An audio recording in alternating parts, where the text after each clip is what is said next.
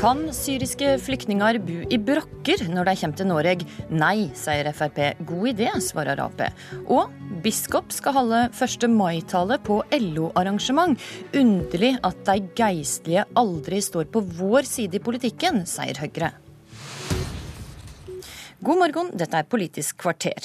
Vi begynner med eh, partileder Siv Jensen sitt intervju med Aftenposten, der hun sier at hun ikke er overbevist om at klimaendringene er menneskeskapte. Leder i kommunalkomiteen for eh, Frp, Helge André Njåstad. Er du overbevist om at klimaendringene er menneskeskapte? Nei, når spørsmålet blir stilt sånn, så, så er jeg ikke overbevist. Men eh, jeg vil, kan heller ikke utelukke at menneskelig aktivitet kan spille en rolle. Eh, og det er vel det samme som Siv Jensen har forsøkt å få fram eh, når spørsmålet ble stilt på den måten. Jeg tror ikke hun hadde hensikt å skape en stor debatt om dette nå.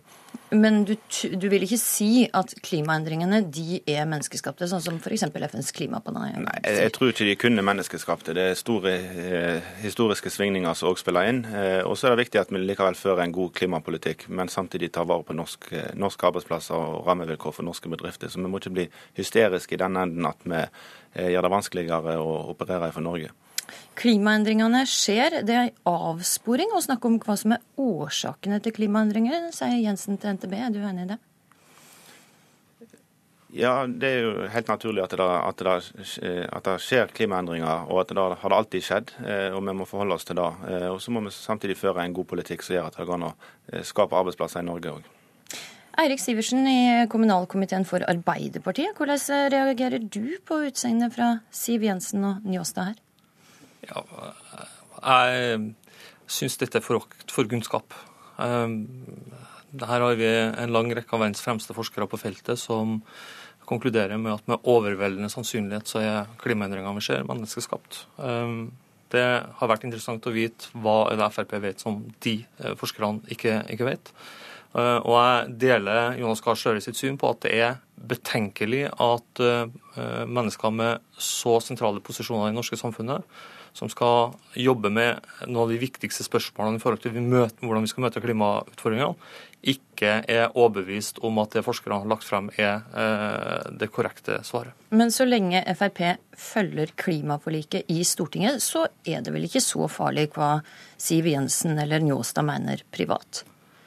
Jo, det tror, tror jeg. Jeg tror at det er sånn at Hvis du skal jobbe med politikk og finne politiske løsninger på problemstillingene du skal, eh, skal løse, så er det en fordel, og det har en effekt på hvor sterkt og hardt du jobber for å nå noen målsettinger, hvis du faktisk tror at det du gjør, er, er riktig.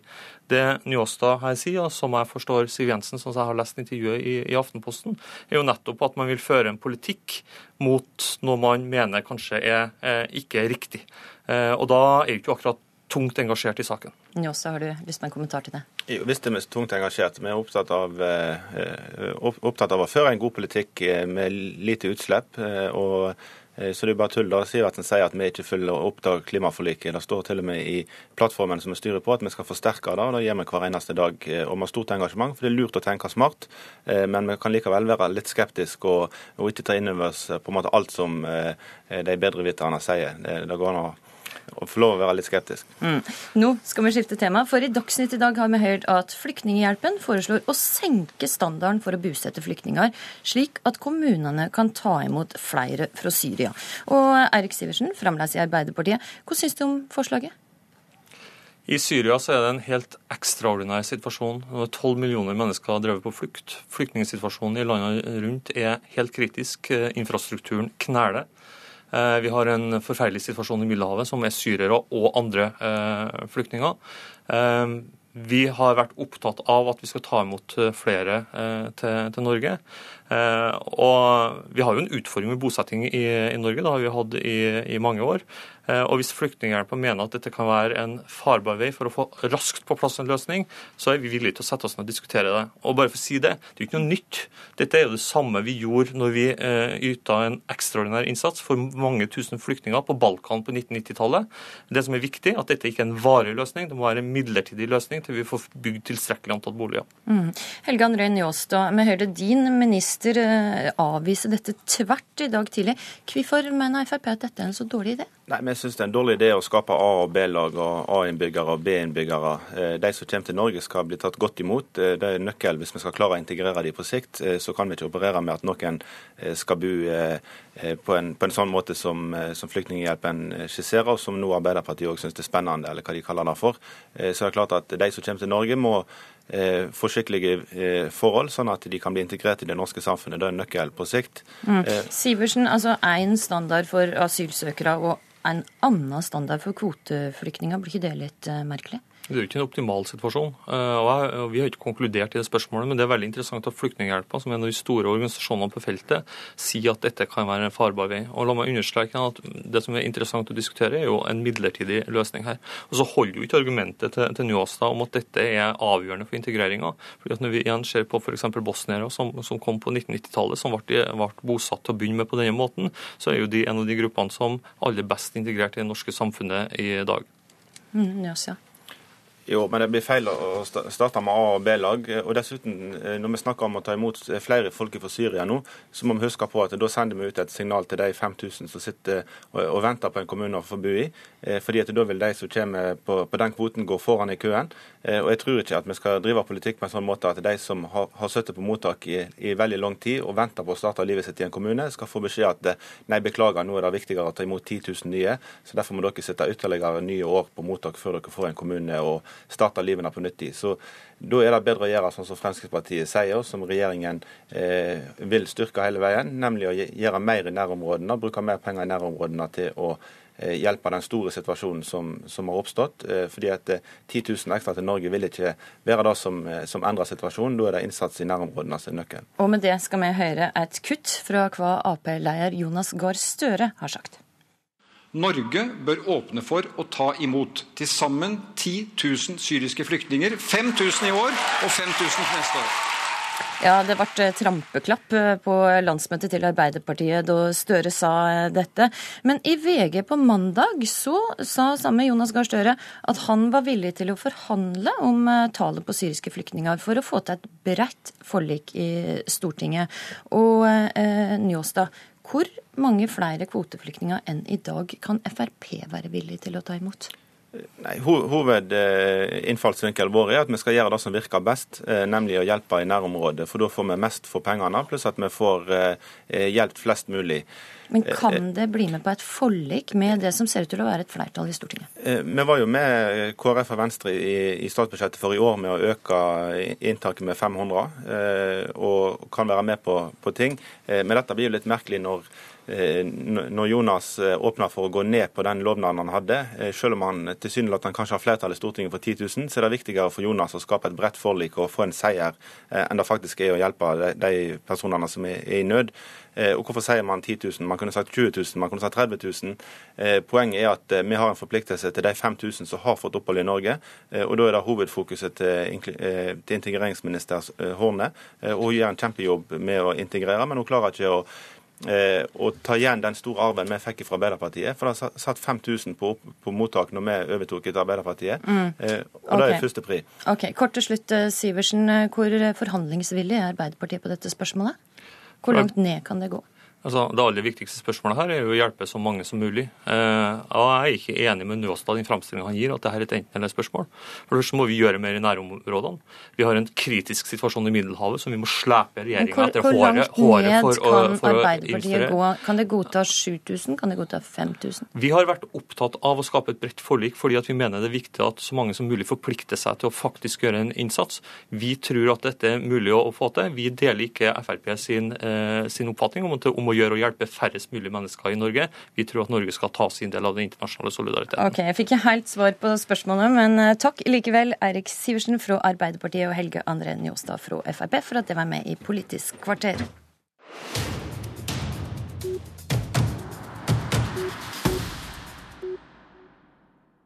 På fredag er det 1. mai, og da skal biskopen i Borg, Atle Sommerfeld, holde appell for LO i Indre Østfold på Folkets hus i Askim, kunne vi lese i Klassekampen i går.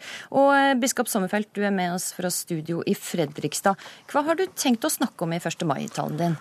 Jeg kommer til for det første å anerkjenne arbeiderbevegelsens rolle i byggingen av det nye Norge, eh, og det Norge som eh, vi nå framstår som. Så vil jeg legge stor vekt på kampen mot søndagsåpne butikker. Eh, og ikke minst med, med at lavtlønte er de som får det vanskeligst med et sånt vedtak. Og så, jf. forrige debatt i Politisk kvarter, Eh, snakke om at et eh, godt Norge er et solidarisk Norge i forhold til mennesker på flukt, og at eh, vi må følge opp Kirkemøtets oppfordring om å ta imot mer enn 10 000 flyktninger over de neste, årene fra, neste to årene fra Syria. Mm. Tina Bru fra Høyre, du har rett og slett meldt deg ut av statskirka i protest. Grunnen var at du mente at kirka var for ensidige i oljedebatten. Hva syns du da om at Sommerfelt skal tale regjeringa midt imot på arbeidernes dag? Nei, Først og fremst er det vel ikke så overraskende når man ser på det de har ment eh, tidligere, og jf. den debatten vi hadde tidligere i vinter også, om hvor, hvor, politisk Kirken begynner å bli. Men det er viktig for meg å starte med å si at jeg har jo selvfølgelig ingenting imot at Kirken stiller opp eh, på 1. mai og holder appeller. Eh, de står fritt til å mene hva de vil og være hvor de vil, og jeg syns det er bra at de, de, er med ute i samfunnet og viser engasjement. Men det jeg jo syns er litt trist, og som jeg kanskje liksom innimellom reagerer litt på, er jo at retorikken og politikken som Kirken bruker, er alltid så ensidig venstreorientert. Altså, de, de holder seg til sånne eh, sånn politisk retorikk om at høyresiden alltid er egoistisk og, og, ond, mens venstresiden er eh, god og står for rettferdighet. Eh, og det, det syns jeg altså Jeg skjønner ikke hvorfor Kirken skal være så opptatt av å komme med de politiske virkemidlene. Men du skjønner vel at Kyrkja går imot regjeringa når det vil åpne for søndagsåpne butikker? Ja, men det er jo ikke det eneste. Altså, og hadde, de enda vært, hadde det vært sånn at de engasjerte seg i debatten om søndagsåpne butikker fordi de var opptatt av å holde søndagen hellig, så hadde det vært én ting. Men det jeg opplever, er jo at de snakker imot det ut fra et arbeidslivsperspektiv, og at det er på en måte den politikken de legger til grunn, og det er den de går til kamp mot. Og det er jo noe annet. Eh, Kirken er jo de som har hatt historisk monopol i all tid til å åpne på søndager, så, så jeg skjønner jo at de er opptatt av å bevare den. Sommerfelt, hvor hvordan reagerer du på at eh, det som blir sagt er at kyrkja alltid støtta venstresida og sjelden høyresida? For det første så er det jo kjempeviktig å understreke at uh, Kirken ikke er et politisk meningsfellesskap, og at mennesker i Kirken skal kunne tilhøre ulike politiske partier, og gjør det. Og Kirkemøtet som vedtok disse uttalelsene som jeg nå kommer til å forholde meg til på 1. mai, har jo også tidligere stortingsrepresentanter fra Høyre med i det flertallet. Det er dessuten ikke noe nytt, bare for å ha sagt det, at Kirken nå engasjerer seg politisk. og det jeg tror, jeg tror kanskje at det som er Jeg tror det er litt uh, jeg tror det vi gjør i Kirken, er det at vi hele tiden holder et øye med de som sitter med makten. Og jeg tror at hvis du f.eks. spør Grete Faremo Eh, fra Arbeiderpartiets justisminister i forrige periode om hun var fornøyd med at Kirken hele tiden klappet for beslutninger i flyktningsaker, så tror jeg du vil høre at det ikke er riktig. Eh, sånn at, eh, Og jeg har ingen vanskeligheter med å se at vi hele tiden må være kritiske mot de som utøver styringen, og det trenger politikere.